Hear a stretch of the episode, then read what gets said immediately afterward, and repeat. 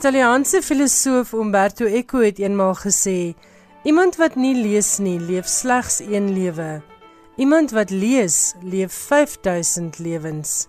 Lees is onsterflikheid, maar agteruit. Goeienaand, ek is Elsje Salzveld. Baie welkom by RSG. En vir die volgende byna 'n uur gaan ons weer lekker kuier in die wêreld van skrywers en boeke. Baie dankie dat jy ingeskakel is op RSG.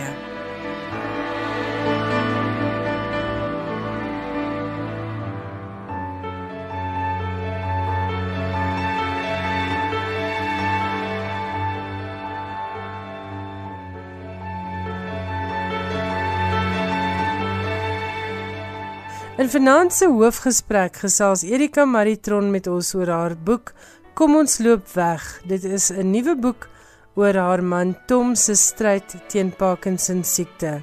Nog 'n ou bekende, Chris Karsten, gaan gesels oor sy nuwe roman Gerugte van 'n ontvoering en Jan Meiber gaan in sy internasionale insetsel meer vertel oor die polemiek rondom die Franse Goncourt-prys 'n interessante nuwe sosiale media tendens om boeke onder tieners te bemark en 'n nuwe bundel uit die Nobelpryswenner van 2020, die Amerikaanse digter Louise Glück se pen.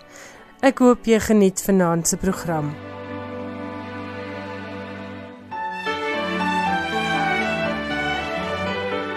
Eerste aan die beurt 'n aangrypende openhartige onderhoud met die romansier Erika Maritron, maar hierdie keer praat ons nie oor 'n roman nie.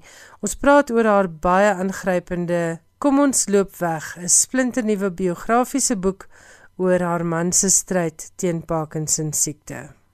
En Erika het ook op 1 Oktober 80 jaar oud geword, so hierdie is 'n dubbele viering, 'n nuwe boek en 'n verjaarsdag.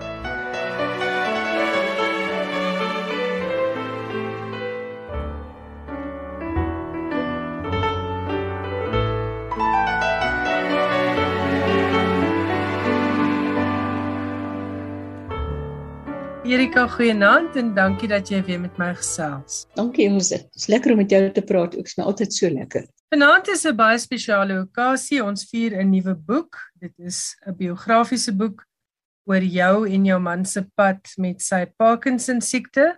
Vertel vir ons 'n ja. bietjie oor Kom ons loop weg, die boek wat van dese maand verskyn. Ja, dit is 'n boek wat ek nie bedoel het om te skryf nie. Dit is eintlik maar die storie van die boek. Ek het uh, aantekeninge gemaak in 'n baie moeilike tyd vir my en uh, dit was werklik maar net vir my eie oë bedoel. Ek het aantekeninge gemaak wat werklik baie persoonlik was omdat ek nodig gehad het om iewers te kan ontlaai en ook om myself in die situasie uit te sorteer. Want al is daar nou hoeveel mense wat vir jou omgee as jy in so 'n ding beland. Uh, niemand kan dit regtig heeltemal verstaan of heeltemal ingaan nie. Jy weet, ek besef nou agterna vir mense wat die boek nou lees wat vir my sê ek het nie geweet jy het so swaar gekry nie. Ek ek sê maar net vir hulle weet jy wat ek het nie swaar gekry nie. Dit is 'n swaar ding. Maar in elk geval ek het maar altyd so van bietjie dagboek gehou. Ek het later dit nou maar baie sporadies geword. Maar ek het in daardie tyd het ek op plek het ek 'n leer op my rekenaar oopgemaak en daar het ek alles wat te doen gehad het met my man se Parkinson siekte ingestop eintlik. Uh, jy weet diagnoses of briewe of goed wat my geïnteresseer het of artikeltjies wat ek gekry het en gelees het en so aan En dit was my moontlik om daar regtig my eie emosies neer te skryf. Nou ek het toe 'n jaar of twee gelede dan 'n paar nuwe goed in my gebeur en ek besef ek moet in 'n nuwe stadium van my lewe ingaan. Ek was 'n hele ruk lank alleen met die see en ek het daai tyd net vir die goed deur gegaan. Dit was my baie traumaties. En ek het gedink ek kan dit dalk nou maar weggooi, jy weet. En toe besef ek nee, ek ek kan eintlik dit nie weggooi nie van hierdie materiaal. Ek kan sien dis of hier nou iets wat jy nou self kan sien maar dis eintlik goed jy weet dit kon gebruik word. Ek het met uh, Christel de Weert gepraat daar by uh, Protea en vra gesê weet jy ek het hierdie goed en sy sê toe my man gee dit. Ek sê wat is totaal ongestruktureerd. Dit ek gesit en ek het dit toe begin orden en ek het verskriklik baie moes weggooi en en dit in 'n lyn getrek en toe gee ek dit vir hulle. En die volgende wat ek hoor is dat hulle wil my manuskrip uitgee. Toe besef ek ek het 'n manuskrip geskryf Maar toe het ons nou deur die gewone regeringsproses gegaan en dit het baie ontwikkel. Ons het nog baie goed uitgegooi en ek moes stukke inskrywe wat daar nou leemtes was. Maar op die ou end voel ek goed oor die eindproduk. Jy weet dit is dit het nou uitgekom wat dit moes gewees het en dit was vir my werklik 'n sluitingsproses en 'n helingsproses ook. Is dit jou heel eerste nie fiksiewerk? Ja, weet jy, ek kon dit sekerlik so noem. Dis heeltemal 'n ander tipe ding as wat ek nog ooit tevore gedoen het. My vorige boek was 'n biografie van my ouma en dit was my verskriklik sinvol om dit te doen en dit was my wonderlike voorreg om dit te kon doen. Ek het baie jare daaraan gewerk, jy weet, sporadies. Dit was nie fiksie nie, maar dit was ook 'n manier fiksie want jy weet jy moes tog goed inverbeel en jy moes goed invul en so. Nee, hierdie is heeltemal iets anders. So die wetenskap goedjies wat in nou in hierdie boek is wat noodwendig eintlik daarin beland het, want dit is van die goed wat ek neergeskryf het, maar toe ek nou dit begin orden het in in dit in manuskripvorm begin verwerk het, het ek net besef maar dit dit moet ook daarin, want dit is goed wat vir my gehelp het en ek kan dit integreer daarin. Erika, om jouself te ontbloot soos wat jy doen in Kom ons loop weg. Jy skryf oor pyn en woede en die aftakeling van 'n man vir wie jy baie lief is en met wie jy baie jare getroud is. Hoe voel dit om jou siel so bloot te lê? Het jy dit as skrikwekkend ervaar of wat is die emosies wat deur 'n mens se kop gaan as jy jouself so op papier neersit? Kyk, eh, toe ek hierdie goed neergeskryf oorspronklik of verweg die grootste deel daarvan, nie alles nie. Toe ek moes besluit om hiervan 'n boek te probeer maak, want jy weet mos nou nooit of jy regtig 'n boek gemaak gaan kry nie. Moes ek besluit vir die eerste keer kon ek myself so ontbloot jy weet dit was nie dat ek toe gedink het ek gaan my nou ontbloot en nou skryf ek ontbloot my goed nie. Die goed het ek geskryf gehad want dit was my eie oë. Ek het geweet dis 'n risiko en dis 'n risiko nie net vir my nie maar ook miskien vir my gesin. Jy weet almal moet maar daarmee saam lewe met sekere goed wat jy dan nou hier so skrywe maar ek het besef dat my groot motivering was hier dat ek namens mense wat nie kan woorde kry vir ervaring miskien namens hulle kan woorde gee daaraan want ek werk met woorde En ek het net besef dat as jy eerlik is, want ek moes eerlik wees om dit te doen, dan moet jy ook ons die moeilike goeie sê wat mense nie eintlik sê nie of goed praat waaroor jy nie in openbaar praat nie, want dit is deel van die prentjie. Ja, ek moes toe oor daardie hekkie kom. Dit was 'n moeilike hekkie. En die reaksie, vertel ons van die reaksie op hierdie boek. Dit is nou nog in die vroeë dae, jy weet ek weet nie regtig wat die reaksie gaan wees nie, maar dit voel net vir my asof daar met soveel oorde, so skielike regtige reaksies van mense wat ek nooit verwag het nie. Dit het my net laat besef dalk is hierdie boek besig om 'n aar raak te boor by baie mense. En toe dit vir my begin duidelik word, dis 'n pad wat feitelik alle mense loop. Dit is 'n algemeen menslike ervaring. Ouer mense kyk na mekaar as hulle saam uitgeword het. Jy weet ook by by die Parkinson vereniging betrokke was. Was daar 'n egpaar wat albei Parkinsons gehad het. Jy weet nie, ek het 'n boek geskryf sure. daaroor wie is die versorger, wie is die pasiënt, jy weet? En twee mense wat mekaar liefhet en saam oud word, een sterf vir die ander een. En die ene wat oorbly is die ene wat die proses, die siek wees of die demensie of die fisiese aftakeling of vordering van ongeneesbare siektes moet hanteer. Dit is so baie mense wat daar deurgaan. Ek het dit besef toe besig was met die boek, maar ek besef dit nou. Ja. Alle mense moet met verlies werk almal. So miskien is dit die rede dat mense belangstel in hierdie boek.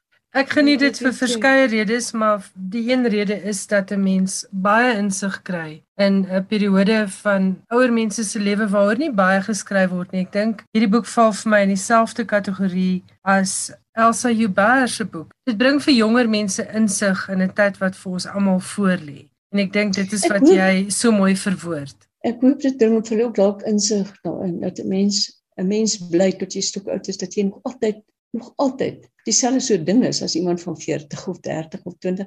Jy weet, jy is nie dieselfde nie, maar jy is nog ook 'n mens. Ek dink Ja.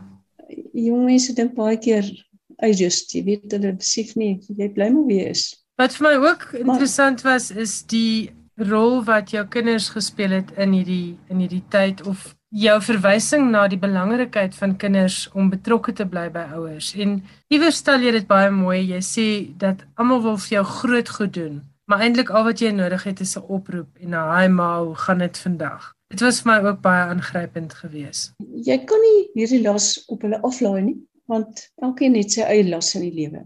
Ek het op 'n paar plekke geskryf van hoe mense klein gebare, die een toneel van 'n vrou wat jy weet ons was by vakansieplekke in in in hierdie twee vrouens het van voor af aangestap gekom en die een het by my verbygeloop en 'n hand uitgesteek en aan my arm geraak en aangeloop. En ek het op daai oomblik net geweet Sy verstaan, sy weet. En dis hoe ek graag vir mense wil sê, dis hoe dit is. Mense verstaan dit. En dit, dit help.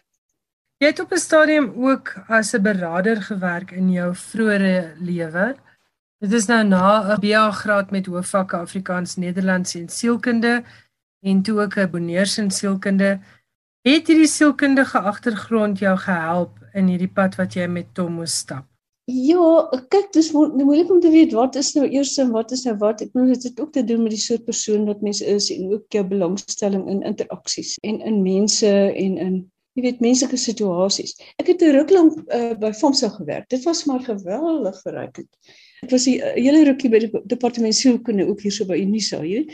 So teoretiese sielkundige kennis kry jy nou so, maar met mense te werk is heeltemal iets in eie reg. Jy weet dis 'n hands-on sensitiwiteits uh, tipe van ding. Maar ek het definitief nie bewus gedink ooit wel ek het nou hierdie en hierdie sielkundige kennis nie. Ek het maar net belangstelling in interaksies tussen mense en kommunikasie tussen mense. En verder was dit vir my nodig om uh selfinsig te hê in hierdie proses, jy weet.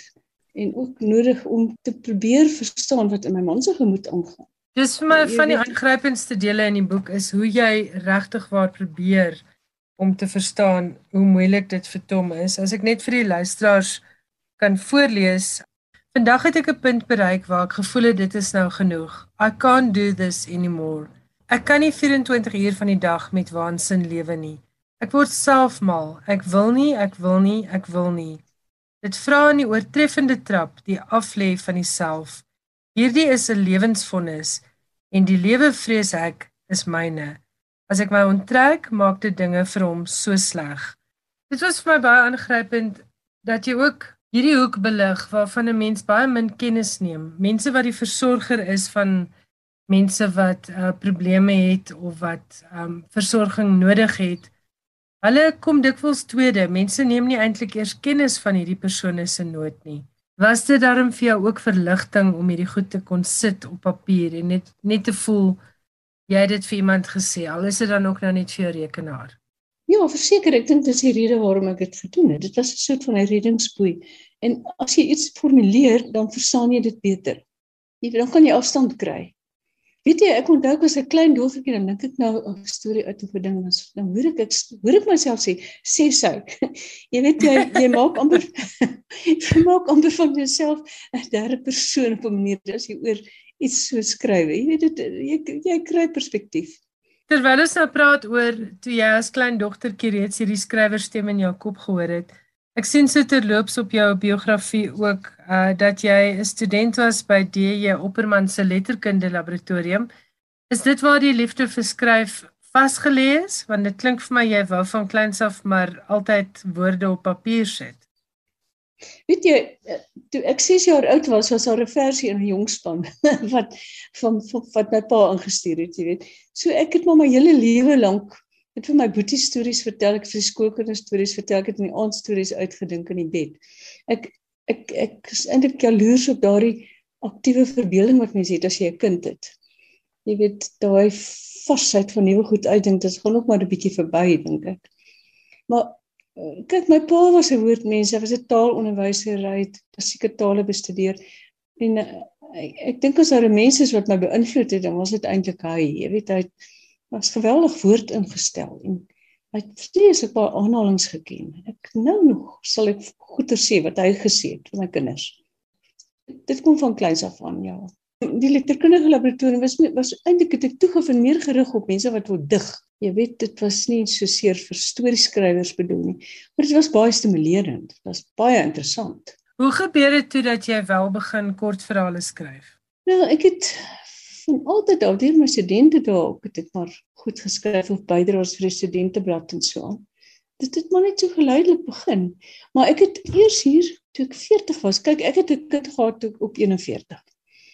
En dit was in daardie tyd het ek na Potchefstroom gegaan vir die skryfskool daar.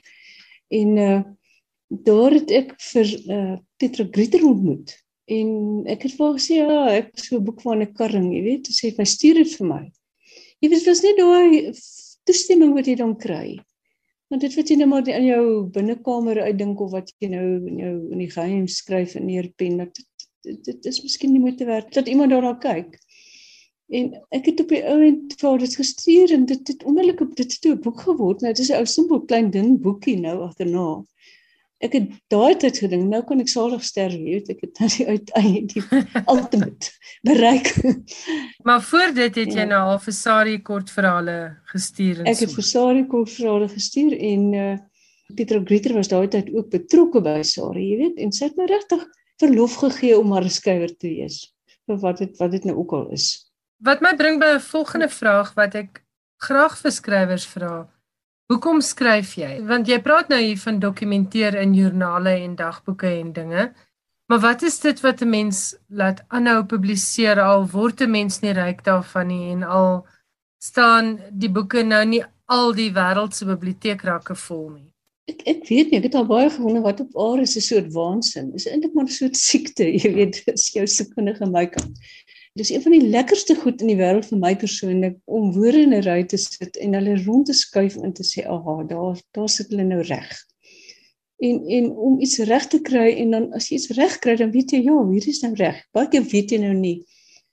Maar as jy dan nou klaar is met 'n boek ook en jy het hom snuif getrap en jy het hom van kant tot kant deur gewerk en mense het van buite af ingekom en jy het jy weet en op die ou end is al daai stukkies aan 'n ry geskuiwe en eintlik voor hy verskyn, voor iemand iets kan sê dat op daai wonderlike gevoel van ek het iets gemaak en ietsie wat nou nie miskien heeltemal saam met my sal doodgaan nie. Miskien wie weet, lees iemand dit oor 5 of 10 jaar nog iets daarvan. Dis is miskien net so klein oorwinning oor die tyd of oor sterflikheid. Ek weet nie.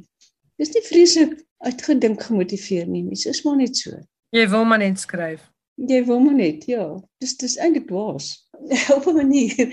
Want ek het al baie keer gedink, ag, jy weet wat maak dit aan enigiemand? Jy weet vir wie is dit belangrik? Vir min ander mense besef hoe belangrik dit vir myself is. So as jy nou 'n groot skrywer is, jy's nou verskriklik bekend, dan is dit nou dalk anders. Ek weet nie. Ek dink dit gaan vir die skrywer ook oor die skrywer self. Die gehoor is 'n wonderlike bonus. Ek dink dit gaan om daai storie uit te kry op papier. Ja, maar weet jy wat vir my nog altyd en elke ding wat ek skryf en dit interesseer my verskriklik is om wel iets te kommunikeer sodat dit verstaan kan word. Ek het ja. persoonlik vreeslik baie groot behoefte om obskuur goed te doen of om ehm um, jy weet oormatiglik slim te wees of wat ook al nie vir my gaan dit oor die beste woorde te kry om iets absoluut trefseker te kan formuleer en dat dit vir die ou wat dit lees of oor ping sê. Dit dit is vir my lekker. Jy skryf hier iewers in kom ons loop weg uh hierdie boek oor jou pad met jou man se Parkinson siekte. Hoe moeilik dit vir jou was om te skryf tydens sy siekte wat 'n mens nou natuurlik kan verstaan.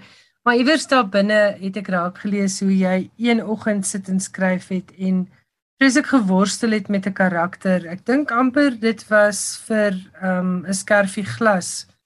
As ek nou reg onthou, en toe kom meld hierdie karakter aan. Vertel 'n bietjie ja. van daai proses want dit bly vir my as nuuskrywer van fiksie, as leser en genieter van fiksie, baie interessant hoe karakters hulle verskyning aan 'n skrywer kom maak.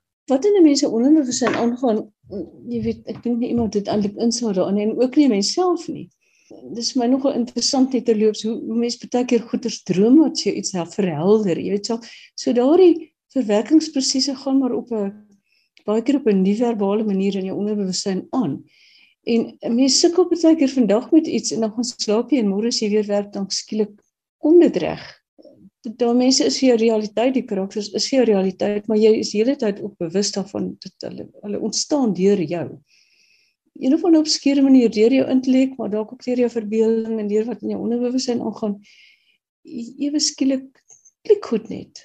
Ek ek dink dis ook hoekom mense skryf. Jy weet daai lekkerte. Dit is miskien baie persoonlik, maar dit maak die onsekerheid die moeite werd. Dit maak die die wonder is wat ek doen is sinvol, ook die moeite werd. Erika, as jy terugkyk op jou loopbaan, daar is 'n hele lang rits romans. Um 1989 het jy begin met Wie is jy Elizabeth Na wie is jy Elizabeth was daar nog 10 romans. Die laaste een was in 2018 is Kerfie Glas. Maar as jy nou terugkyk op hierdie romans uit jou pen, watter boek is jou gunsteling? Of waaraan het jy die lekkerste geskryf om dit dan nou anders um, te stel? ek is moeilik om te sê. Verblyf het ek baie spesiale plek in my gedagtes omdat dit onderwerp was wat my so geïnteresseer het. Jy weet dit dit was voor die hele uh, diaspora idee so in die letterkunde in toegeslaan het. Jy weet baie mense het daaroor begin skryf. Maar oor die hele kwessie van verplasing van verhuising van uh, 'n tuis te vind 'n tuis te skep. En uh, ek het nou uh, met prysgeld moes ek 'n deel van die geld kon ek kry maar die ander moes ek 'n motivering skryf waarvoor wil ek dit gebruik ten opsigte van 'n nuwe boek. Toe het ek nou maar baie koelbloedig gedink. Ek wou eintlik oor hierdie onderwerp skryf. Ek moet iets doen wat maak dat ek moet oorsee gaan want ek moet motiveer hoekom ek 'n vliegkaartjie moet koop. En ek is toe Amerika toe en ek is Kanada toe want ek het al mense geken wat my ontvang het. En toe ek in Engeland toe ek het hier ongelooflike gesprekke met mense gehad. So dit was my absolute verruimende ervaring vir my persoonlik. So ja, ek hou baie van daardie boek dan hou ek ook van uh, skerfieglas. Dit is vir myself baie betekenisvol my redes. Ek het 'n redelike meer bekende familie aan my pa se kant en hulle is redelik goed gedokumenteer. Maar om oor iemand te skryf wat totaal nie 'n letterkundige mens was nie en wat wat eenvoudig maar net so in die geskiedenis is hy weggeraak het, maar soveel goed vir persoonlik wat elke vrou tref. 'n Man se loopbaan, moederskap, jy weet, en en dinge soos dat jy weeskind is dit was my baie groot voorreg om dit te kon doen. Maar hierdie boek wat ek nou nie gedink het is 'n boek nie of gaan 'n boek wees of enige mens sal lus hê om eers te lees nie jy weet is sekerlik van alles wat ek geskryf het. Dit dit is absoluut baie persoonlik en ek skrikwekkend so. Dit is 'n bietjie risiko geweest vir my weet ek. Baie nou aan wie ek werklik is. Want 'n boek is mos nou ook 'n objektivering van 'n idee en 'n storie wat jy uitdink. Jy weet jy speel 'n bietjie en jy skep 'n bietjie Hierdie was heeltemal iets anders. Jy is nie 'n onbekende as dit kom by pryse en pryslyste nie. Die Toubrug is in 1993 genomineer vir die rapportprys. Jy het met Sê Maria die RAI prys gewen en ook o nee, jy was op die kortlys vir die RAI prys. Ek dink is deesdae die UJ prys. Jy het ook die ATKV prys vir goeie gewilde prosa daarvoor verower vir Sê Maria in 2002. In 2007 het jy met 'n tapisserie met klein diere die insig Sanlam romanwedstryd gewen. Het pryse ooit vir jou soort van gekortwiek as jy dan nou weer aan die skryf moet kom? Hang dit soos 'n valbel bo jou kop met die volgende boek? Nie die ander nie, maar die Sanlam insigprys het my nogal geïntimideer. Ek het regtig altyd gevoel ek het dit nie verdien nie. Eh, want daar was mense wat so gesê het, jy weet. Maar ek weet nie, dit was elke keer maar net 'n verskriklike lekker verrassing. Ek het nie ooit gedink dit kan gebeur nie en dan is dit regtig besonder as dit gebeur. Maar nee, mens moet jy maar net weer losmaak daarvan. Jy moet jy distansieer heeltemal en uh iemand het eendag gesê, ek dink is Petra Grieter wat dit gesê het, met elke nuwe ding wat jy skryf, staan jy maar weer nakend op die markplein. Die pryse of nie pryse nie. En Erika, skryf jy nog steeds? Kyk wat nou laas nou met my gebeur het dat ek nou ook my in, in die jaar wat ek 80 jaar oud geword het, ook nou weer getrou. So dit is 'n So skryftyd is nou minder. Dit is wel dis minder wat ek skryf tog nou 'n bietjie met ander goed besig. Maar uh, ek het 'n kinderboek wat nie klaar is nie wat ek graag wil klaarmaak wat ek nie eers weet of dit 'n goeie kinderboek is nie want dit is nie 'n genre wat ek nog ooit beproef het nie. Ek sal miskien nog een boek skryf. Jy weet ek ek is so geïnteresseerd hoe jong mense nou skryf en die flink intellek van mense en die moeilike issues waaroor hulle skryf. Ek voel vergenoeg deur wat wat ek gedoen het en uh, ek het nie op hierdie oomblik 'n groot projek aan die gang nie, maar ek moet altyd 'n bietjie skryf. Ek het dit nodig. Erika baie geluk met 'n pragtige boek. Ek kan kom ons loop weg regtig aanbeveel vir ouer en jonger lesers, vir mense wat 'n pad stap met Parkinson siekte, maar ook met ander toestande wat 'n lewensmaat of 'n ouer in 'n hoek het. Ek dink dit gee besondere insig in die menslike siege en dit skyn 'n lig op versorging om versorg te word en ek dink is 'n waardevolle bydrae tot Afrikaans in 'n belangrike boek in jou eie skryfwerk. Baie geluk daarmee. Baie dankie Elsje. Dit was Erika Maritron en ons het gesels oor haar boek Kom ons loop weg, ons pad met Parkinson siekte. Dit word uitgegee deur Protea. Chris Karsten het 'n nuwe boek op die rakke en soos altyd is gerugte van 'n ontvoering 'n heerlike lekker leesboek. Chris, baie welkom by Skrywers en Boeke. Baie geluk met hierdie lekker dik nuwe roman. Jy verras mense elke keer met nuwe kinkels en maniere waarop jy jou werk aanpak. Maar kom ons begin by die begin. Waaroor gaan gerugte van 'n ontvoering? Gerugte van 'n ontvoering bevat al die gewone bestanddele van 'n gewone spanningsverhaal of sogenaamde krimie. Iemand sterf tragies en wreed of per ongeluk of per opset. En dan maak die lesers kennis met 'n baie ou en baie kosbare skildery wat nou vermis word. Hierdie kennismaking met die skildery probeer ek uitbeeld as 'n soort liefdesstorietjie uit die middeleeue tussen die kunstenaar en sy geliefde wat hy dan skilder. Ek wou dit so doen omdat die skildery tot by die heel laaste sin van die boek 'n soort rygdraad is wat alles bymekaar hou, ook die begin en die afsluiting.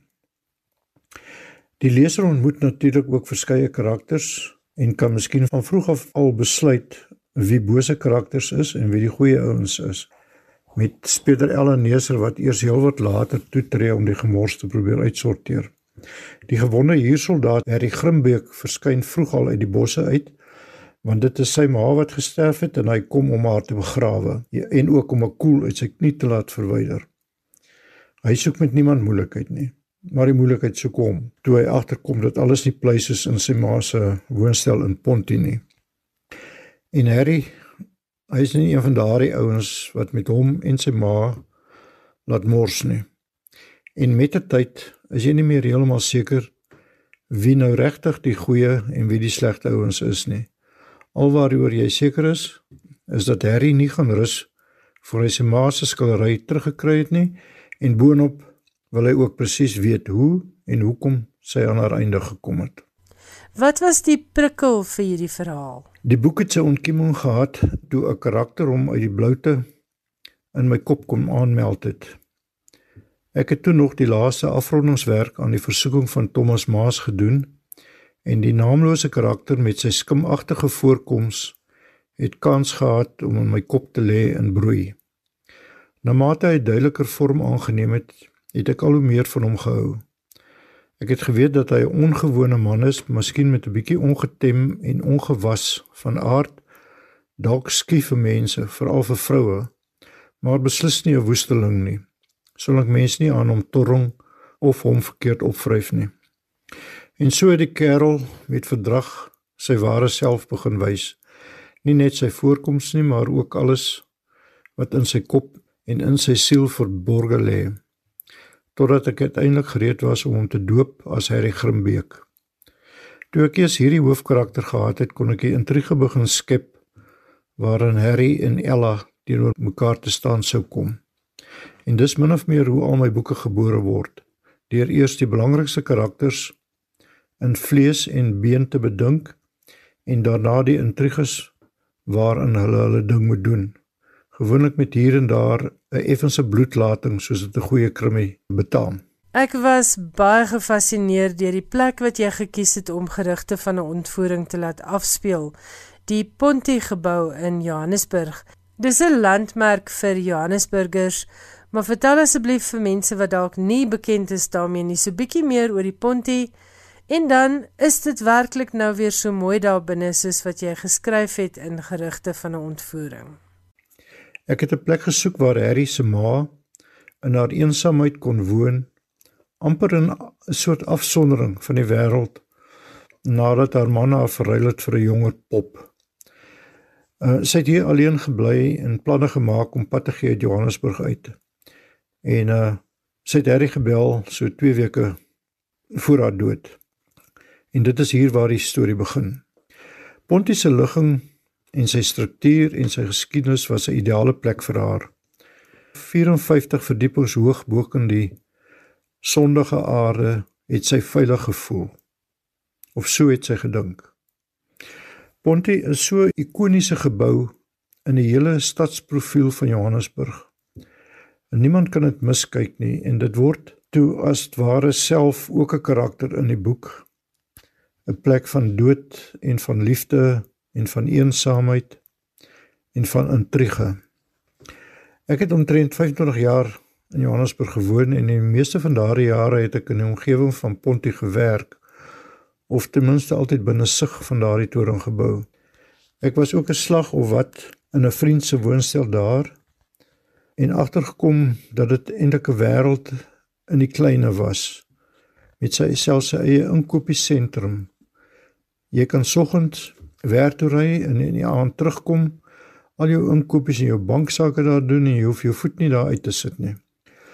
Toe dit destyds in die vroeë 70s op Berea se rif gebou is, was dit een van die gesogste adresse in die stad.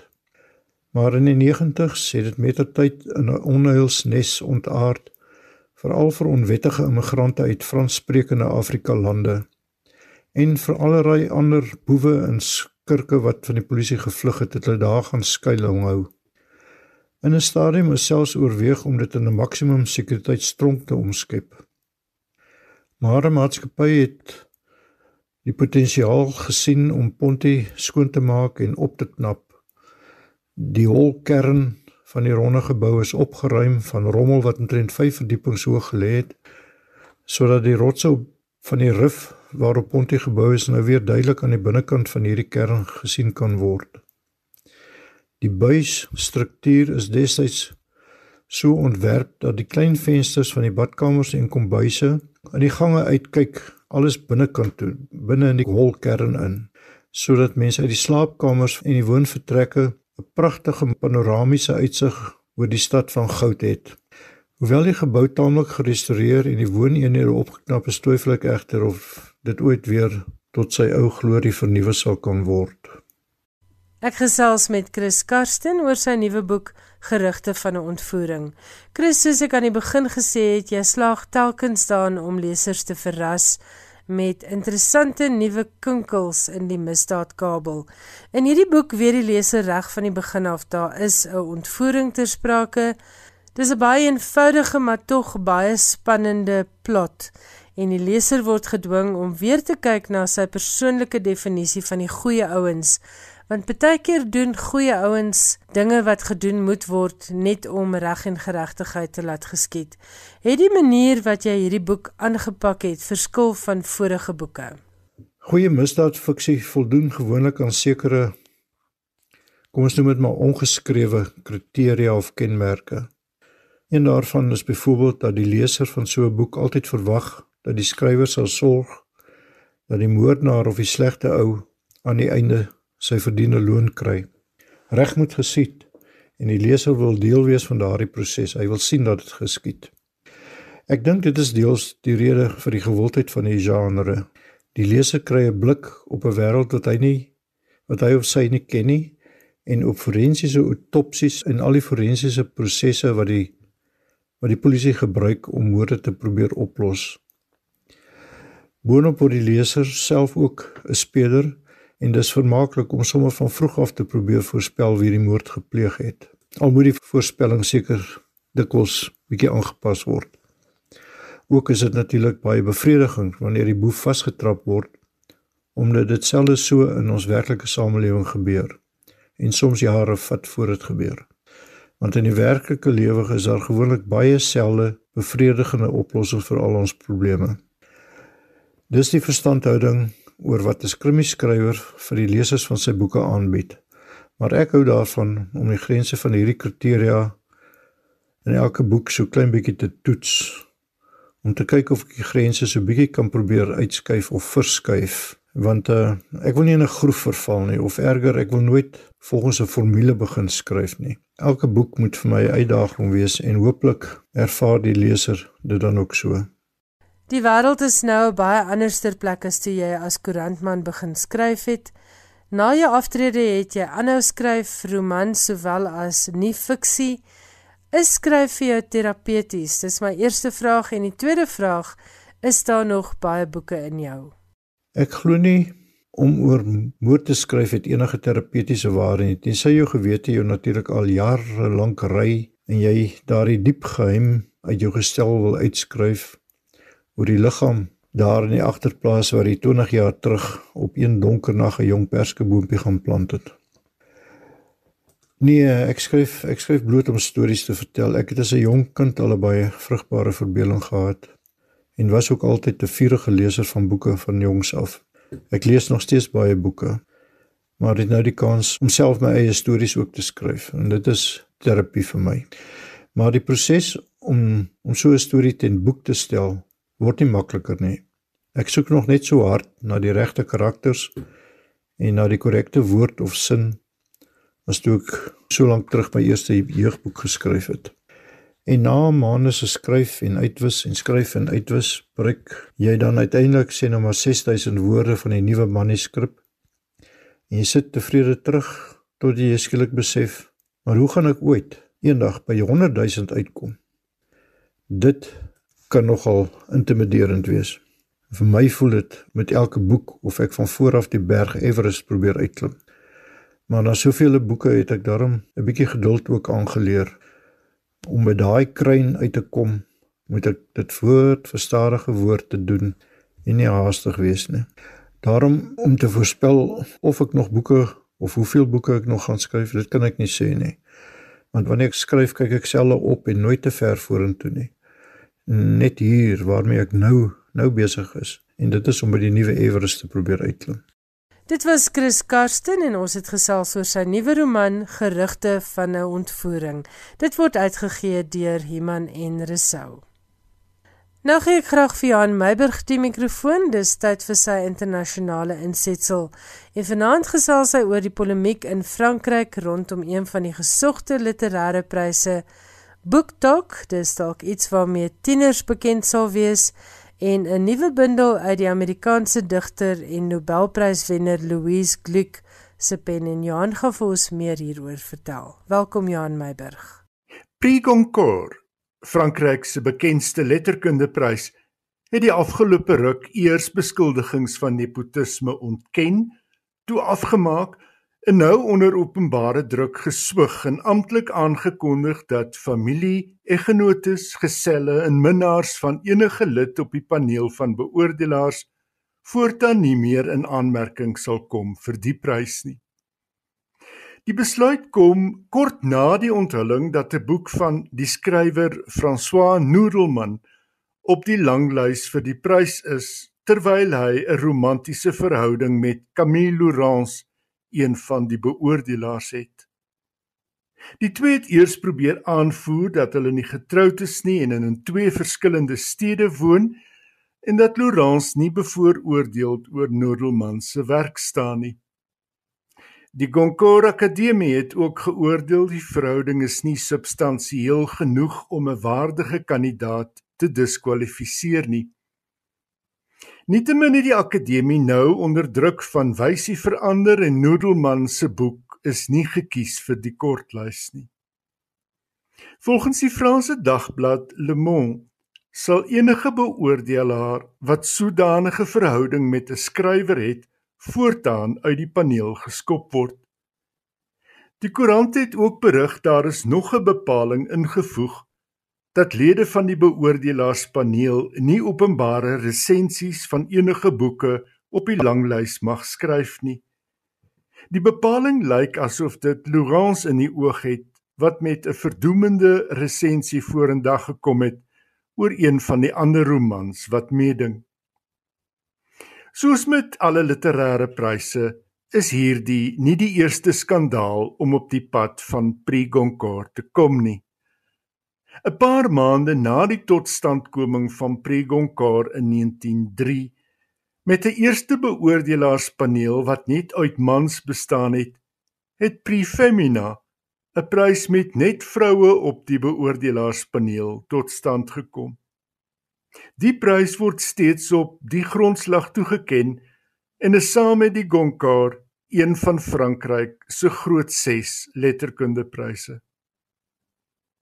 In 1919 was die Goncourt weer in die spervuur toe die prys aan Marcel Proust toegekend is. Die prys was toegeoormerk vir 'n belowende jong skrywer en op 48 was die publiek nie oortuig dat Proust meer so jonk is nie. Die openbare mening het in elk geval 'n ander jonger skrywer met 'n boek oor die Eerste Wêreldoorlog verkies totdat die akademie verduidelik het dat Proust op 48 aan die begin van sy loopbaan staan en wel vir die prys kwalifiseer.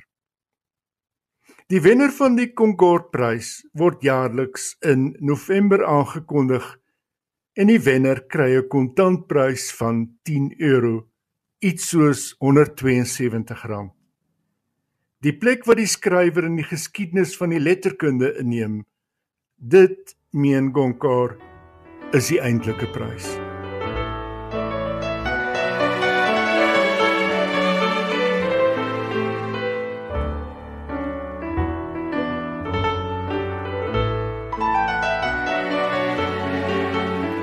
The Song of Achilles is 'n roman van die Amerikaanse skrywer Madeline Miller wat in 2011 verskyn het en die volgende jaar die Orange Prys gewen het.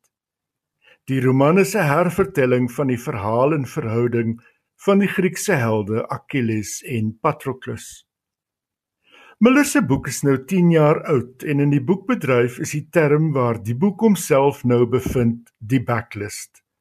Dit is boeke wat nog in druk is maar oorskadu word deur die jongste publikasies. Dis boeke wat eerder op 'n lys voorkom as op 'n rak. En skielik verkoop daartoe 'n ruk terug 1500 eksemplare van The Song of Achilles in 1 week in Brittanje.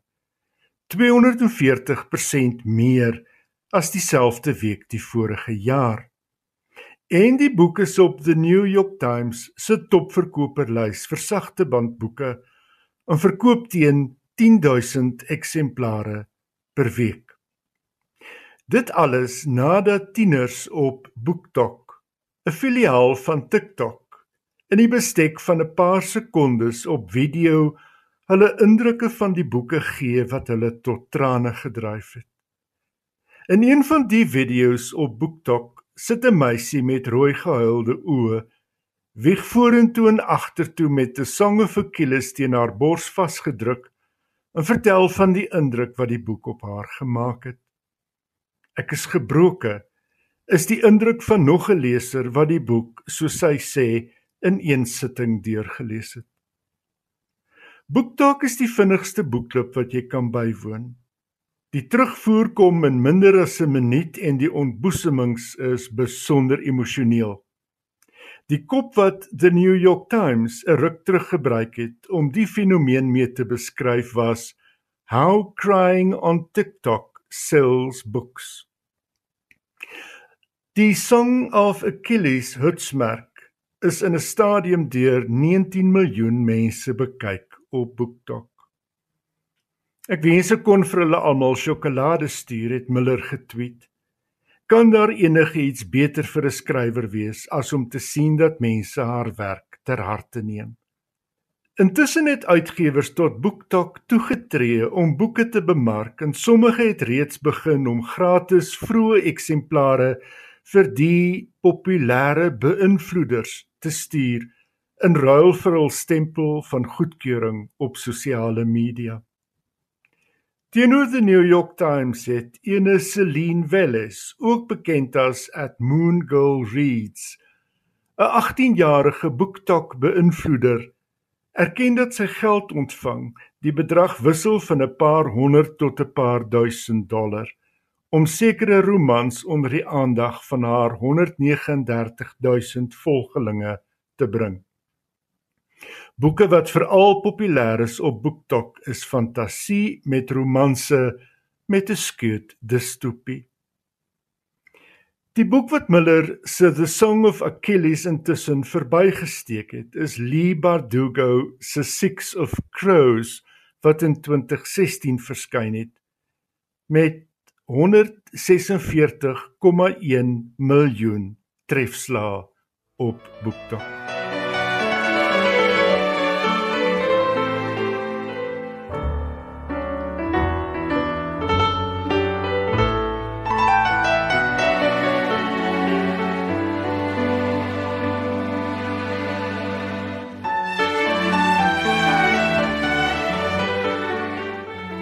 Louise Glück, die Amerikaanse digter wat verlede jaar met die Nobelprys vir letterkunde bekroon is, se jongste digbundel Winter Recipes from the Collective verskyn binnekort. Dis haar 13de bundel en volgens die uitgewer Kakenit Press bied Gluck in die bundel verse wat getuig van die intieme binneruim, maar eweso verse wat 'n ganse leeftyd vergestaal.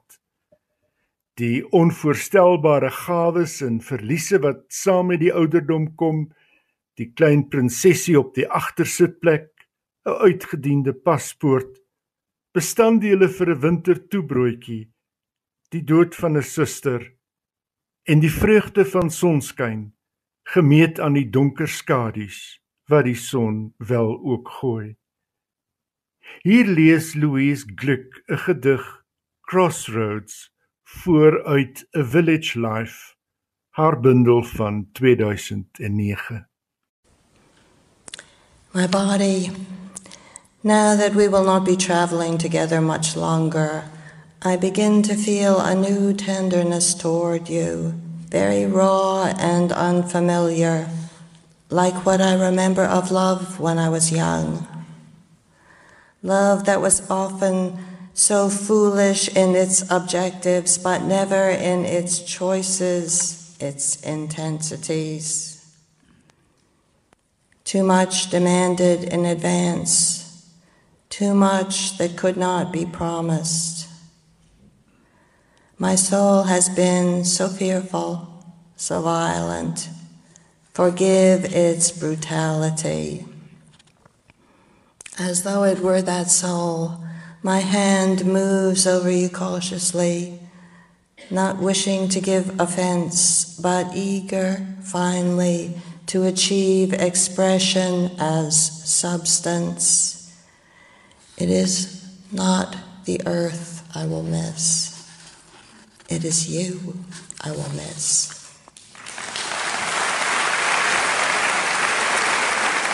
En daardie stem behoort aan die Amerikaanse digter Louise Glück. En dit is waarmee ons Johan Meiburg se internasionale insetsel afgesluit het.